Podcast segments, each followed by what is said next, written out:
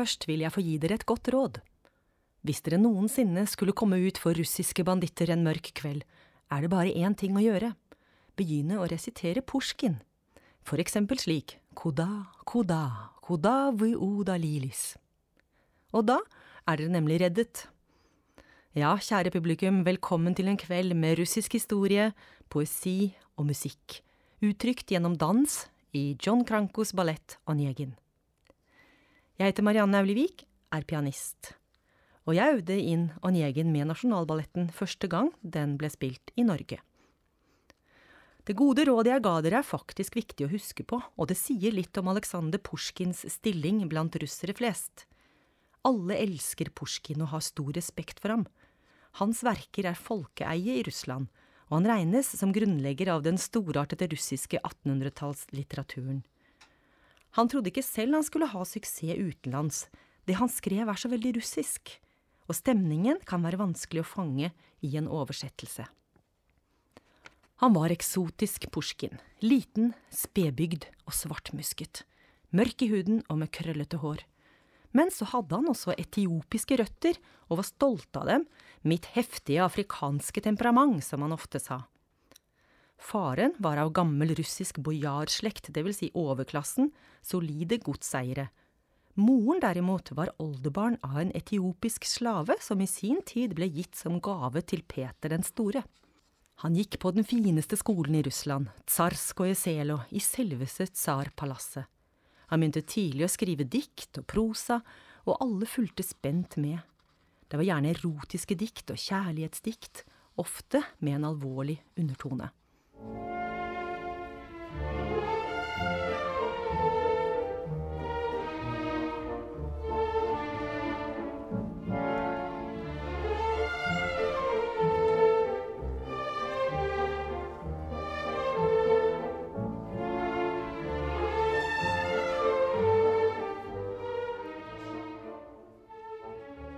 Noen år levde han en sorgløs tilværelse med aristokratiets overfladiske liv. Sankt Petersburg på 1820-tallet var full av ball og festligheter. Festene pågikk til klokken fire om natten, man snakket bare fransk, og dagsverket, ja, det var dagens fest. Men det var en usunn by med skandaler, sykdommer og død. Den var gåtefull og farlig.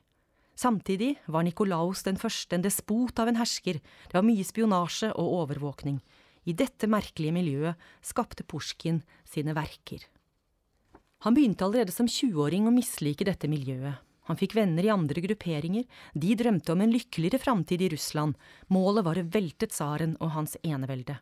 Man brant for de nye og farlige ideene fra den franske revolusjonen, og det viktigste var å sette bøndene fri, de var alle livegne.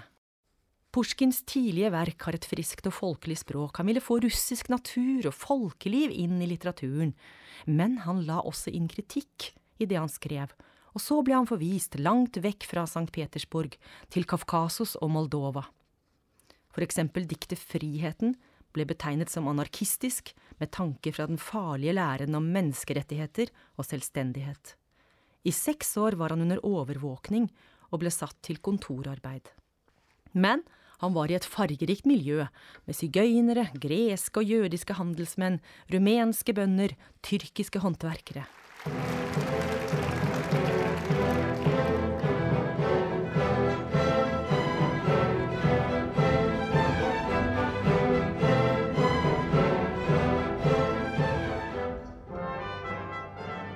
Så han, som elsket liv og leven, ståk og styr, fant seg likevel til rette og danset ringdans på torget med bøndene, eller bodde hos en flokk sigøynere. Men han skrev hele tiden, og ble likevel regnet som Russlands fremste dikter. I mange av disse årene, fra 1823 til 1831, skrev han på hovedverket sitt, Jevgenij Anjegin, som kveldens ballett er bygget på. Etter hvert kom også Boris Gadunov og Spar Dame. I 1826 fikk han komme til Moskva. Her forelsket han seg i Natalia Gontsjarova, Russlands vakreste kvinne, og etter flere frierier fikk han ja, giftet seg 32 år gammel og fikk fire barn. De var lykkelige. Men Natalia var omsvermet og elsket alle festene og ballene. Unge menn flokket seg rundt firebarnsmoren, og Pusjkin ble etter hvert svært sjalu. Han fikk mye sladder slengt etter seg, blant annet at hun skulle ha et forhold til tsaren. Da han til slutt fikk diplom som president i Hanreiordenen, var det nok, duell var uunngåelig. Det var mannen som hadde skrevet og sendt brevet, Georges Dante, som også ifølge ryktene hadde et forhold til Natalia. Den feigingen skjøt for tidlig, og Pusjkin døde bare 37 år gammel, etter to dagers grusomme smerter.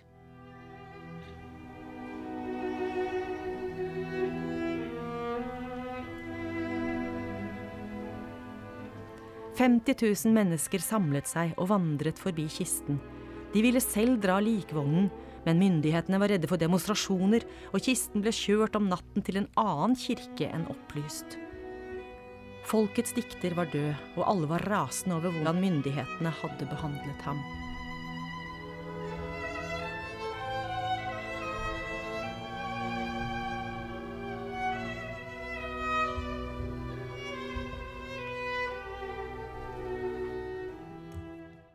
Nøyaktig 40 år senere, i 1877, satt en annen mann og leste Jevgenij Anjegin, og det var Tsjajkovskij. Som alle russere var også han opptatt av Pusjkin, og spesielt av Jevgenij Anjegin. Tsjajkovskij hadde vært overfølsom hele sitt liv, oppvokst med foreldre som ikke forsto musikaliteten hans. Han dyrket sin mor, men ble adskilt fra henne bare ti år gammel fordi familien hadde bestemt at han skulle bli jurist. Og jurist ble han, men en dårlig en. Han hadde nemlig for vane å tygge på papir når han tenkte på musikk, og det gjorde han jo ofte, slik at alle sakene forsvant. Etter hvert fikk han heldigvis studere musikk og fikk en jobb som teorilærer ved det nyåpnede Moskva-konservatoriet. Her slet han i ti år og var ulykkelig, deprimert og led av søvnløshet og angst. Menneskeheten gir meg kvalmefornemmelser, og jeg skulle ønske jeg kunne leve så langt unna verden som mulig, sa han. Samtidig hadde han suksess og opplevde en gryende berømmelse med verk som B-mollkonserten og Romeo Julie-overtyren. Han dirigerte mens han holdt hodet med den andre hånden, han var redd det skulle falle av i hans hemningsløse, emosjonelle utbrudd. Året 1877 ble dramatisk for Tsjajkovskij. Han var blitt 37 år og ugift. Nå gikk det rykter om at han kunne være homoseksuell. Han var bekymret for familien sin. Jeg må gifte meg, helst i løpet av et år. Mine nærmeste skammer seg over meg. Samtidig fikk han et dramatisk følelsesladet brev fra en tidligere elev, Antonina Miljukova. Han studerte samtidig Jevgenij Onjegin. Onjegin får jo også et brev fra Tatjana, men avviser henne. Tsjajkovskij elsket Tatjanas karakter og hatet Onjegins. Nå kunne han ikke opptre som Manjegin, og bestemte seg for å si ja til Antonina, noe som skulle bli katastrofalt. Han elsket henne jo ikke, kunne ikke oppfylle sine ekteskapelige plikter, noe han også gjorde klart for henne. Etter tre måneder var Tsjajkovskij hysterisk og vasset ut i den iskalde Moskva-elven, falt i koma og fikk legeerklæring på at han ikke måtte være i nærheten av denne kvinnen.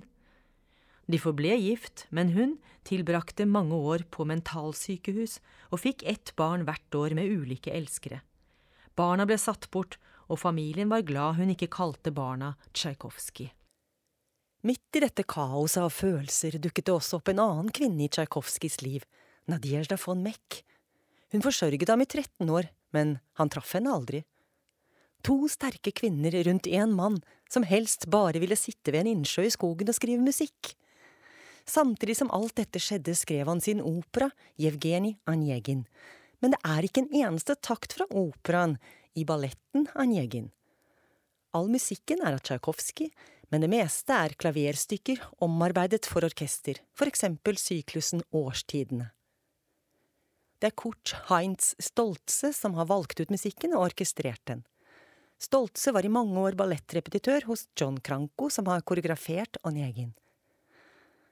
Stoltze må ha vært usedvanlig dyktig fordi musikken høres ut som den er skapt for balletten, og samarbeidet mellom de to må ha vært veldig tett. En ballettrepetitør har vanligvis oppgaven å øve med danserne når de lærer trinnene, det vil si å være et slags enmannsorkester i alle ukene det terpes før orkesteret og dirigenten kommer, et stort ansvar. John Kranko var en av verdens beste dansere før han ble en høyt aktet sjef for Stuttgart-balletten 34 år gammel. Født og oppvokst i Cape Town i Sør-Afrika med en far som var ballettoman. Som liten gutt holdt han dukkeshow og fikk dansetrening, og allerede 15 år gammel skapte han koreografi til Stravinskys Historien om en soldat. Kranko hadde en egen gave for nyanser i historieballetter.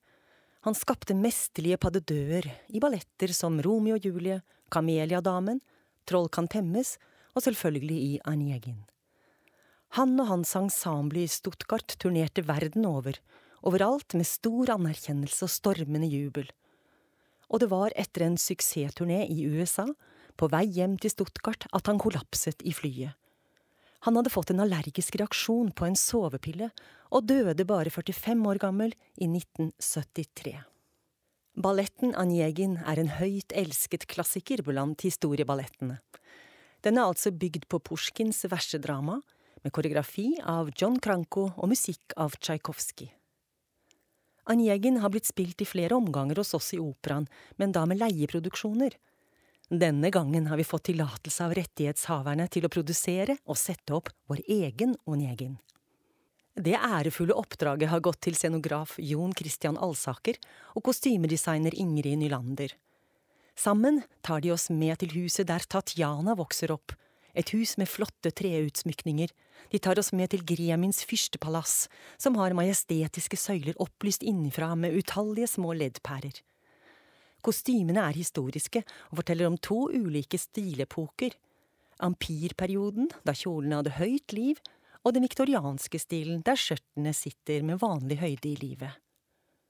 Koreografien i seg selv forteller ikke hele historien, vi trenger et russisk landskap der den foregår, sier Alsaker.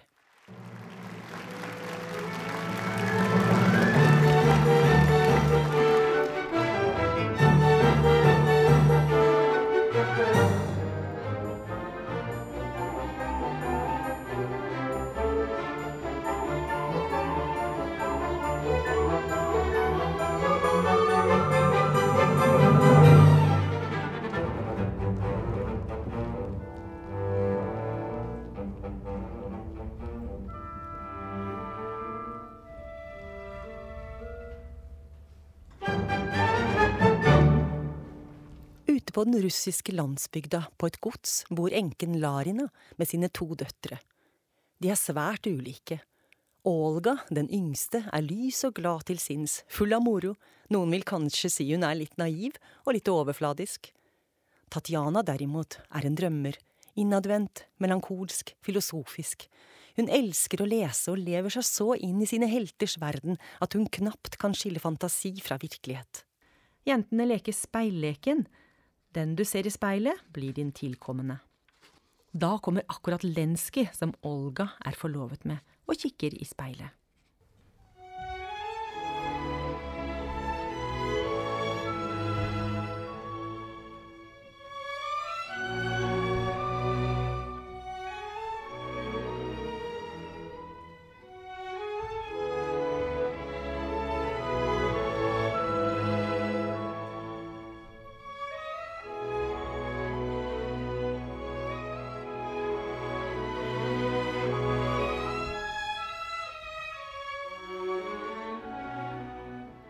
Lenski er dikter, utdannet i Göttingen. Han har også lys til sinns, som Olga, men meget følsom. Han kan bli eksaltert med hissige utbrudd. Han og vennen Anjegin er fra Sankt Petersburg. Anjegin er mørk, skeptisk og likeglad, et resultat av et liv i lettsindighet uten ansvar eller mening. Han har lett for å kjede seg. Tatjana vet med en gang at mannen fra drømmene hennes, fra bøkene, ham som hun har ventet på, er kommet. Anjegin.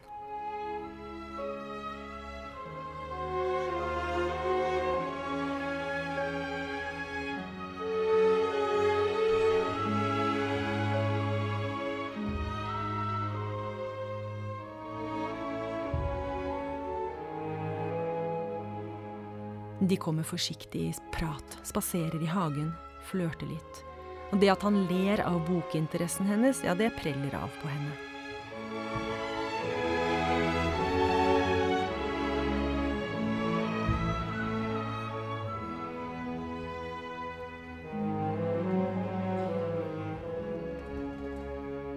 Om kvelden gjør Tatjana seg klar for natten. Hun brenner, skjelver og bestemmer seg for å skrive et brev til Anjegin. Hun vil følge sitt hjerte, full av skam. Men hvordan vil han ta det, vil han avvise henne? Det er en stor risiko for henne. En ung pike gjør ikke slikt i 1820.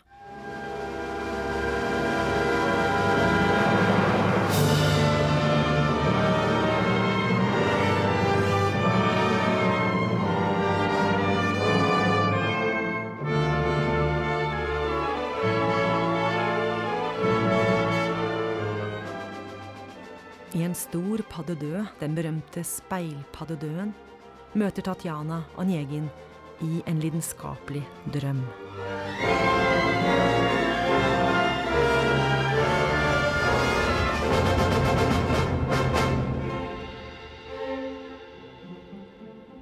Noen uker senere har Tatjana fødselsdag, og fru Larina inviterer til ball. Alle er der, Olga og Lenski, Tatjana og Anjegin. Ryktene går om et forestående bryllup mellom Tatjana og Anjegin. Men Anjegin river Tatjanas brev i stykker og avviser henne kaldt mens dansen virvler videre. For å såre henne ytterligere og samtidig håne sin venn Lenski, byr Anjegin Olga opp til intim dans. Lenski står lamslått og ser på, han kan ikke tro det han ser, og temperamentsfull og lettsåret som han er, kaster han hansken og utfordrer sin beste venn til duell. Lenski har lært at livet er ikke en roman. Vennskap er et tomt skall. En ydmykende løgn. En pike kan være vakker som en engel, men ond og slu som en djevel. Duellen er uunngåelig, slik er reglene, og neste morgen møtes de.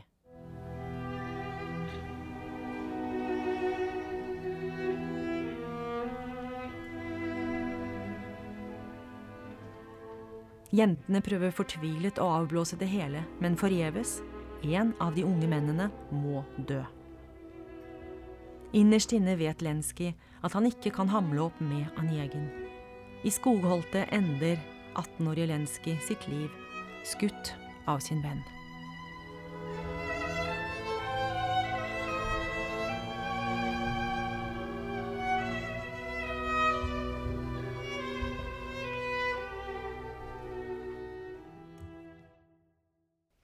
Ti år er gått. Tatjana har giftet seg med fyrst Gremin. Hun lever et harmonisk liv i stor velstand og med mange festligheter.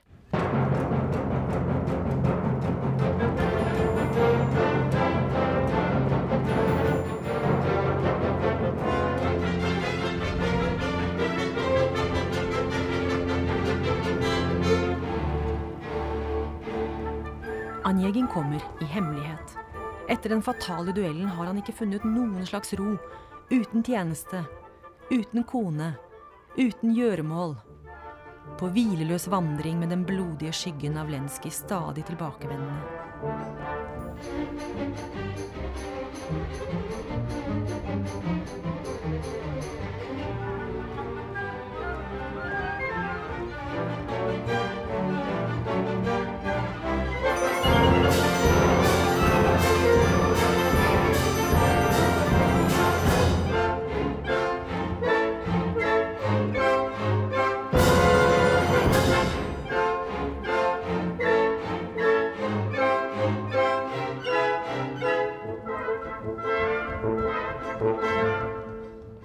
Sjokkert oppdager han at fyrstens vakre unge kone er Tatjana, den sjenerte ungpiken fra landsbygda som han i sin tid så overlegent avviste.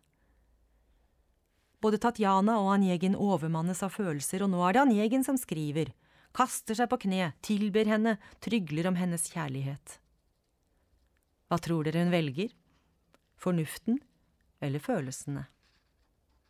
Pushkin ville gi et bilde på godt og vondt av det miljøet han selv hørte til, overklassen i St. Petersburg ca. 1820. Ispedd små doser russisk natur og folkeliv. Et fullkomment bilde av russisk liv i en interessant periode, er det blitt hevdet. På den måten et slags historisk epos, uten historiske personer. Personene er motsetninger til hverandre. Den eksentriske, skeptiske, desillusjonerte Onegin. Den følsomme og eksalterte Elenskij Den litteraturinteresserte drømmeren Tatjana, den livsbejaende, overfladiske Olga. Tatjana er blitt kalt den mest russiske kvinnen i russisk litteratur.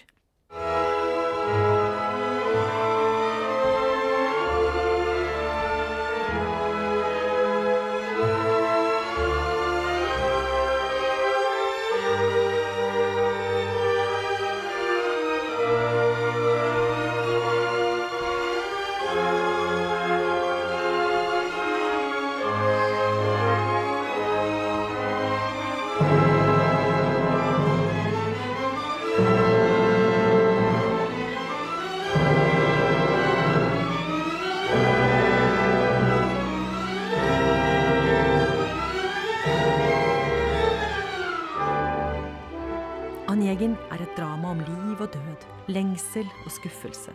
En fortelling om hvordan menneskene blir ofre for konvensjonene. Tatjanas redsel og risiko når hun skriver brevet. Duellen som er umulig å komme ut av. Hennes fastlåste situasjon når hun møter Anjegin igjen.